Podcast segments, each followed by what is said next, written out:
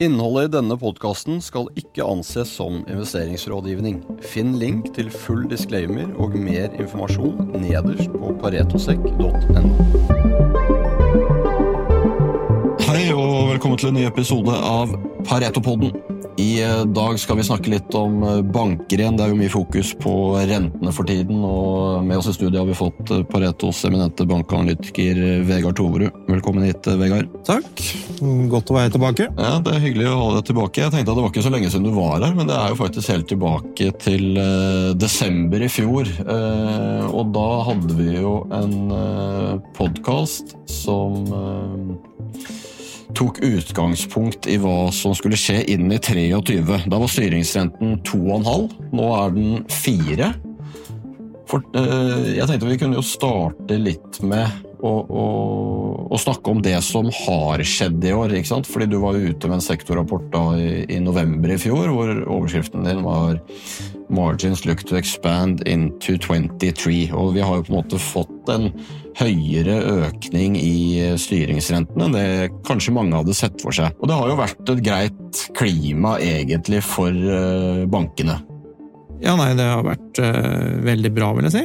Uh, og marginene har jo gått kraftig ut, uh, sånn som vi, vi, trodde, og egentlig mer enn det også. Um, og her er vi jo tilbake til hvor bankene henter marginer om dagen. Eh, og det er jo spesielt eh, måten bankene repriser på, hvordan de kapitaliserer på de økte rentene, som har gjort at marginene er eh, såpass høye. Så so far, so good. Bankene har levert i linje, eller egentlig over den forventningen vi, vi hadde i fjor. Og da må vi jo si at forventningene var jo, var jo høye på marginsiden. Eh, I tillegg så kan man jo si at veksten har jo vært overraskende høy, kanskje. Spesielt på, på bedriftssiden. Og det er jo en, en, spennende ting å følge med på akkurat nå, da, og utviklingen fremover. Så det er jo det er mange ting å ta tak i. Det er en veldig spennende tid for bransjen. Og det blir spennende å se hvordan ting er nå fremover. Eh, vi har jo heldigvis oppdatert analyseproduktet vårt eh, siden vi var her eh, sist, Sebastian. Så vi har jo vært ute med både én og to rapporter siden. Og den siste rapporten som vi sendte ut nå da forrige uke, så tar vi jo og ser litt over kneika. For vi begynner jo å nærme oss et punkt der vi ikke tror det er spesielt mange flere rentehevninger. Og vi begynner å nærme oss et punkt der vi tror at det kanskje kan komme noe større effekter av de rentehevningene som allerede har kommet. Eh, og da blir det jo spørsmål om hvordan utviklingen for, for bankene og sektoren blir eh, da. Ja, for det er helt riktig, Vegard, og alle Paretos kunder kan selvfølgelig finne den siste sektorrapporten til, eh, til Vegard på Pareto 6 sine, sine online-sider. Eh, og det er som du sier, eh, ting ser jo litt eh, annerledes ut nå enn hva det gjorde da. Samtidig så er det jo ikke sånn voldsom grunn til å bli ekstremt bekymret heller. Altså, alle bankene er ekstremt godt kapitalisert, og de er ikke voldsomt dyre hvis man ser på man ser på de uh, multiple metricsene som vi pleier å se på, som er prisbok og, og PE, men det er jo litt mer, egentlig, kanskje hvis vi tar kapitalsiden først, så blir det jo kanskje et lite spørsmål på Hvis ikke det blir mulig da med å vokse like mye som man har gjort de siste årene, så er det jo plutselig litt for mye kapital hos en del av disse bankene. Hvordan er den eh, dynamikken? Ja, la meg gjerne komme tilbake til det, men jeg, må bare si sånn først at eh, min interesse og det som jeg syns er spennende her nå, er jo hvordan eventuelt en endring, og hvordan de, de tingene som eh, vi nå snakket om i forhold til kredittspørsel og, og marginekspansjon, hvordan det faktisk påvirker fremover. Um, og så, uh, hvis man snakker om egenkapitalbevisene og, og, og, prisingen og sånn, så er jo, um, er jo, det noe helt annet. Så hvis man ser på egenkapitalbevisene, så er de absolutt ikke dyre. På kort sikt så vil uh, egenkapitalbevisene få god støtte fortsatt av marginekspansjon, som vi forventer også skal eh, trekke oss gjennom de neste kvartalene. Og på lang sikt så er jo det her fantastiske investeringer. Det har over lang tid vært veldig gode investeringer, og vi tror at det fortsatt vil være veldig gode investeringer fremover også. Så de punktene jeg trakk opp, og, kanskje det stemningsskiftet som, som, ligger under, er jo mer en sånn eh, interesse og, og, og, kjærlighet til bankene, da, hvis man skal kalle det det. Og interesse hvordan dette farvannet navigeres, og hva som er effektene av det. Og i forhold til, Jeg vet at vi skal ikke snakke veldig mye om kursmål og sånn på denne poden, men våre anbefalinger og kursmål er jo også på en sånn ettårssikt, som i dette perspektivet blir litt mer mellomlang sikt. Um, og over det neste året så kan det hende at investorfokuset flyttes litt fra den marginekspansjonen som vi har sett, og som jeg tror vi fortsatt vil se litt på kort sikt, eh, og over til kanskje noen av de, de andre faktorene.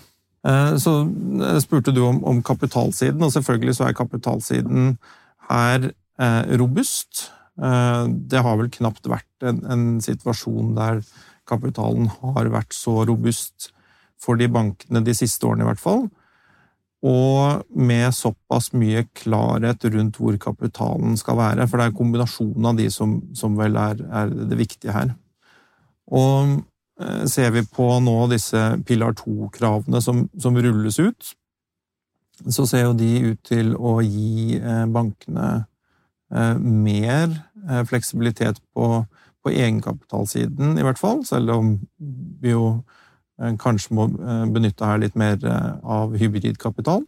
Og det muliggjør jo gode utbytter.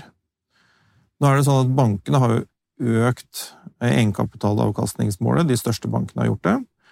Ehm, det er jo på bakgrunn av rentebildet og det marginbildet som, som vi ser. Men den høyere ambisjonen kan jo også gjøre at, at man får en høyere lønnsomhet og en høyere egenkapitalavkastning fremover. Dette da kombinert med eventuelt lavere kredittetterspørsel og veldig eh, god kapitalposisjon, gjør jo at utbytter og utbytteestimatene blir interessante. Eh, og i forbindelse med eh, kvartalsfremleggelsen så er det jo banker som har endret utbyttepolitikken sin og økt den. Og over de siste årene så har vi jo sett en endring i hva som på en måte har vært en sånn norm for eh, kapitalutdeling også fra, fra sparebanksektoren. Så det er et viktig element eh, fremover. Det er et spennende element, og det er jo med å, å gjøre at uh, du får en, en potensiell attraktiv avkastning her for, for flere av egenkapitalbevisene. Du nevnte jo litt innledningsvis, Vegard, at etterspørselen fra, fra bedriftsmarkedet har vært ganske bra. Sånn. Hva, det er jo på en måte vanskelig å komme utenom eh, makro når man snakker om eh, finans og banker, men hva, hva tenker du er den største usikkerheten her lokalt? Man leser jo alle de som lytter på, har sikkert lest om, eh, om banker som sliter med ditt og datt, og som tjener mye penger i Italia, og som blir skattet til osv. Men det har jo alltid vært et litt annerledes eh, bankmarked her nordpå, og det har jo også gjenspeilet seg i, i, prisingen av bankene. Det har jo vært betraktelig mindre risiko eh, på balansen etc. Men hvis vi bare ser det litt sånn top down, hva, hva, er de største usikkerhetene eh, i løpet av neste halvåret, eh, slik du ser det i forhold, til, i forhold til den informasjonen du sitter med i, i dag? Først og fremst vil jeg si at det er, noe, det er ikke noen virkelig store usikkerhetsfaktorer her. Jeg tror det er trygge og gode investeringer, og, og, og vi snakker på, på marginen. Men det er, det er, på marginen også så er det noen sånn mer trender, da, kan man si. Um, og kredittetterspørselen er jo en ting som, som, vi er opptatt av. Og hvis man ser på kredittetterspørselen for husholdninger, så har jo den vært nå jevnt nedadgående i en ganske lang periode. Egentlig nesten tilbake til finanskrisen i, i 2008. Um, og Jeg tror jo ikke at det er spesielt mange grunner til at den skal komme kraftig opp eh, på sånn mellomlang sikt her. Eh, og da blir det spennende hvordan bankene navigerer i akkurat det markedet.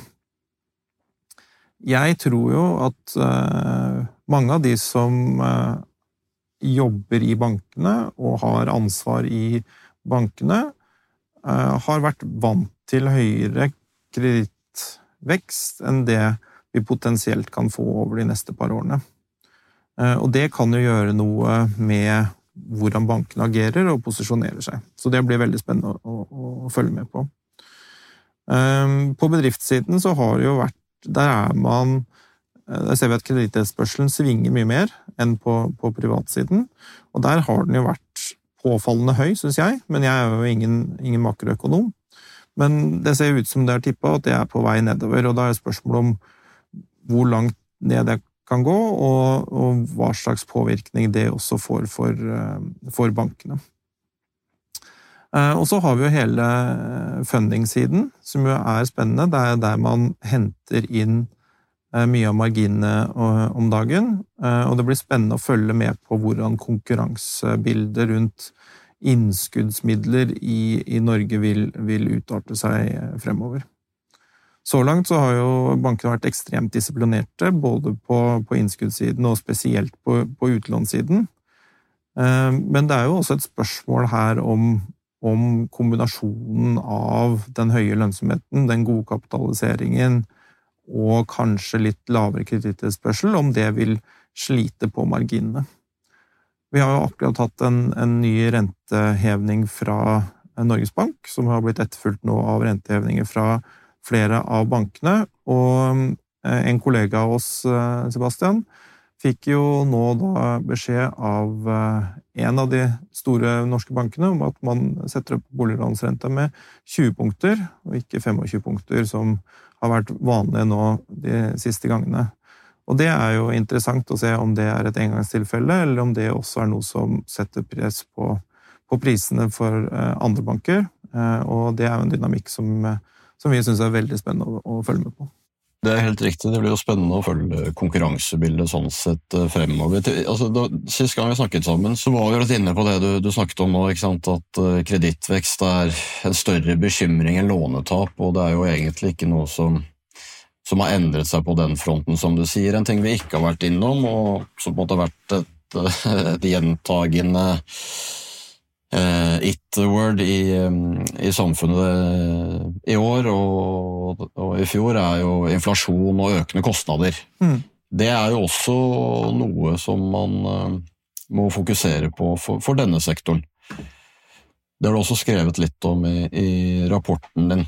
Hva tenker vi der, og hva er det vi ser der i forhold til uh, personalkostnader osv.? Ja, nei, jeg tror personalkostnader har egentlig ikke kommet ut spesielt annerledes enn det vi har eh, forventet. Det har jo vært litt sånn kvartalsmessig variasjon her.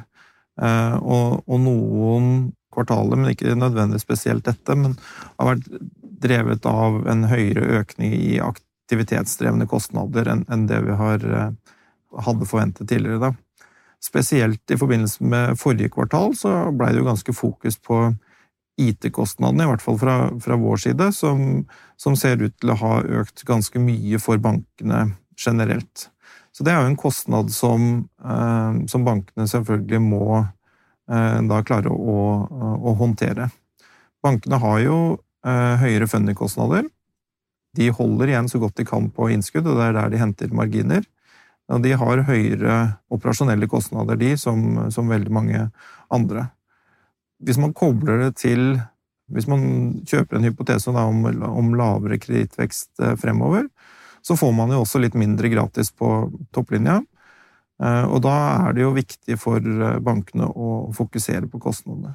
Det er en problemstilling som jeg opplever at de tenker mye på, og fokuserer mye på. Så jeg har tro på at man kommer ut veldig greit på, på den andre siden her. Norsk bank generelt, og det gjelder jo også sparebankene, er jo godt drevet. Man driver i en sånn internasjonal sammenheng veldig effektivt, og mye av det tror jeg handler om IT og et veldig, veldig, digitalisert bankmarked, fordi vi har et veldig digitalisert samfunn. Så sånn sett så får jo bankene ganske mye gratis i, i, det norske samfunnet, men de har også vært veldig gode på å utnytte seg av akkurat det. Um, en ting som jo har endret seg akkurat nå i det siste, er jo uh, denne danske exiten fra Norge. Ja, Det er bra du sier, for det tenkte jeg vi også kunne snakke litt om. For det har jo i, uh, i alle år vært snakket om konsolidering i denne sektoren, men det er jo som vi vet, det er vanskelig å konsolidere, og det er eh, mange regionalbanker og store regionale forskjeller eh, osv. I tillegg så er det jo eierskapsbegrensninger også i Norge. Men, men, det som vi nå har sett med denne danske transaksjonen, som har vært en, en stor aktør i Norge etter at dansker kjøpte, kjøpte Fokus, det endrer jo dynamikken litt i markedet. Så, så, det er jeg glad for at du tok opp. La oss, eh, la oss dykke litt inn i, i, hva som egentlig skjer der, og hva hva det kan ha å si for eh, det generelle konkurransebildet i, i markedet. Ja, og, og, det blir jo spennende å se på, på akkurat uh, hvordan dynamikken blir i etterkant, men det er jo noen sånne ting som jeg tror Eller jeg har i hvert fall noen sånne umiddelbare tanker uh, rundt det. Um, for det første så har jo Danske Bank har jo vært historisk sett uh, i en periode en av de som har presset på på boliglåns Eh, prisene, så akkurat den eh, faktoren er jo borte. Men i den siste tiden så har de jo ikke vært der, så de har ikke vært noen prispresser eller garantist for noe lavere eh, priser på boliglån i det siste, i hvert fall ikke på samme måte som de var for, for en liten stund siden. Så da blir det spennende å se hvordan da nye aktører som plukker opp enten volumene eller eller akademikeravtalen eh, velger å, å utnytte det, det mulighetsrommet som er, som er, akkurat der. Um, og så er det jo det at Danske Bank og kanskje den gamle sånn fokusbiten går ut av markedet. Det har jo noen mer kanskje regionale effekter. Og spesielt da for Sparebank1 SMN så har man jo et mulighetsrom her til å ta en del kunder som vel er mer eh, trønderkunder eh, enn danske bankkunder, og naturlig at bli med, bli med over til, til kjøper. Um, og så er det spørsmål om hva slags type kunder det er. Det er nok noen uh, kunder som er standardkunder som er relativt like som, som andre kunder. Men det er nok sikkert en del av disse kundene som er også litt eldre enn kanskje snittalderen til vanlige kunder i regionen, noe som gjør at det i større grad er innskuddskunder og kanskje mindre grad lånekunder eh, enn andre. Eh, og så er det jo selvfølgelig med sånn dynamikk, så er det jo for noen av de bankene som, som tjener på dynamikk i, i, markedet, sånn som eh, eh Sparebanken Vest sitt Bulder-konsept, kan jo benytte muligheten til å, å, ta økt vekst. Og der blir det jo igjen da spesielt på utlånssiden. Det var bra du kom inn på Bulder, for jeg hadde tenkt til, å, tenkt å, spørre deg litt om det. For det, én ting er jo å kjøpe en portefølje, men det har jo vært dette. Altså Bulder viser jo at det er fullt mulig å, å vokse organisk ganske fort også. Forklar lytteren litt om det konseptet, og det vel, står vel for 19 av av resale-utlånet til Sparebanken Vest nå, hvis jeg husker riktig. Så det er jo blitt en, en, viktig brikke for den banken der, da.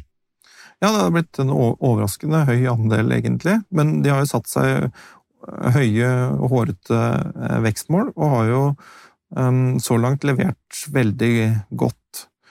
De er jo en bank som jo ikke er standalone. Det er jo en bank som er inni en bank, og som jo er avhengig av Sparebanken Vest på mange områder. Men det viser jo eh, hvilken mulighet man har til å vokse også organisk, hvis man har et godt produkt. Og jeg vil jo si at Bulder-produktet er et svært godt produkt, eh, selv om det er veldig fokusert. Og så er det jo en, en lønnsoms, eh, lønnsomhetselement her. Eh, for som jeg så vidt var inne på tidligere, så er jo der bankene i dag henter ut veldig mye av marginene, er jo på innskuddssiden, og ikke like mye på utlånssiden som, som tidligere. Og Bulderbank er jo i hovedsak et, utlånsbank med, med hermetegn rundt da bank, og er avhengig av fundingen fra, fra Sparebanken Vest. Så derfor, fra et lønnsomhetsperspektiv, så er Bulder nå da en mindre suksess enn det den er fra et vekstperspektiv. Så som mange andre oppstarter, så handler det om å få volum og name recognition først, og så skal man få lønnsomhet etter hvert. Og det er jo den, eh, den andre delen av Bulder-storyen som, som Bulder nå eh, kommer til å starte på. Eh, og som jo blir veldig spennende å, å følge med på. For det, det, er jo litt viktig i forhold til, eh, til effekten også for, eh, for egenkapitalbeviset Sparebanken Vest. Um, og for å få til det, så trenger man jo å flikke litt på, på marginer, så man er nødt til å styre marginene opp mot da, de vekstmålene som de har, og de er ganske kraftige vekstmål. I dag så er de på 38 milliarder, og de ser for seg å, å være på 47 milliarder i utlånsvolum ved utgangen av året, opp til 60 milliarder, så nesten en dobling ved utgangen av, av neste år. Eh, og for å få nå den langsiktige lønnsomhetsplanen sin og målene, så ser de jo for seg at de skal vokse dette til over 80 milliarder i, i 2026. Og det skal de gjøre samtidig som de skal hente ut da, da bedre marginer, så det blir en eh, Her må de på en måte justere eh, smått, og de må tilpasse seg litt hvordan markedsdynamikken blir. Så det blir spennende å se hvordan de klarer den andre fasen av Bulder-reisen. Det har i hvert fall vært uh, en imponerende reise så langt, og, og de har vært flinke der. Helt fantastisk. Jeg tror uh, vi kan egentlig la det være med det, som alltid uh, for alle våre lyttere når man uh, Så er det viktig å følge på makrobildet. Inne på online.paretosek.com så finner du jo som alltid utfyllende analyser og Slidepakker. Det er alltid interessant eh, å følge med på sparebankmarkedet og bankmarkedet, uavhengig av om du holder på med aksjer eller bare for din egen personlige økonomiske situasjon. Så jeg anbefaler jo alle våre lyttere til å gå inn på våre nettsider og lese alle våre analyser som Vegard sitter og trykker ut. Vegard, da er det snart helg. Takk for at du tok deg tid til å komme innom. Det blir spennende. Det er jo alltid spennende i bank, for det skjer alltid et eller annet på makrosiden, er alltid noe å følge med på. Eh, og jeg er sikker på at vi eh, har litt eh, mer nytt å, å snakke om, så får vi se hva, hva styringsrenten er da, neste gang du kommer inn i studio. Bank det er spennende uavhengig av styringsrente, så jeg kommer alltid tilbake med noe spennende. Det er helt riktig. Da ønsker vi alle våre lyttere en riktig god helg, og så høres vi igjen i neste episode. Ha det bra. Ha det bra. Vi minner om at denne podkasten ikke inneholder investerings- eller annen type rådgivning.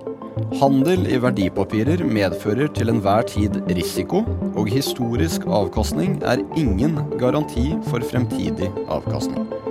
Pareto Securities er verken rettslig eller økonomisk ansvarlig for direkte eller indirekte tap, eller andre kostnader som måtte påløpe ved bruk av informasjon omtalt i denne podkasten. Finn link til full disclaimer og mer informasjon nederst på paretosek.no.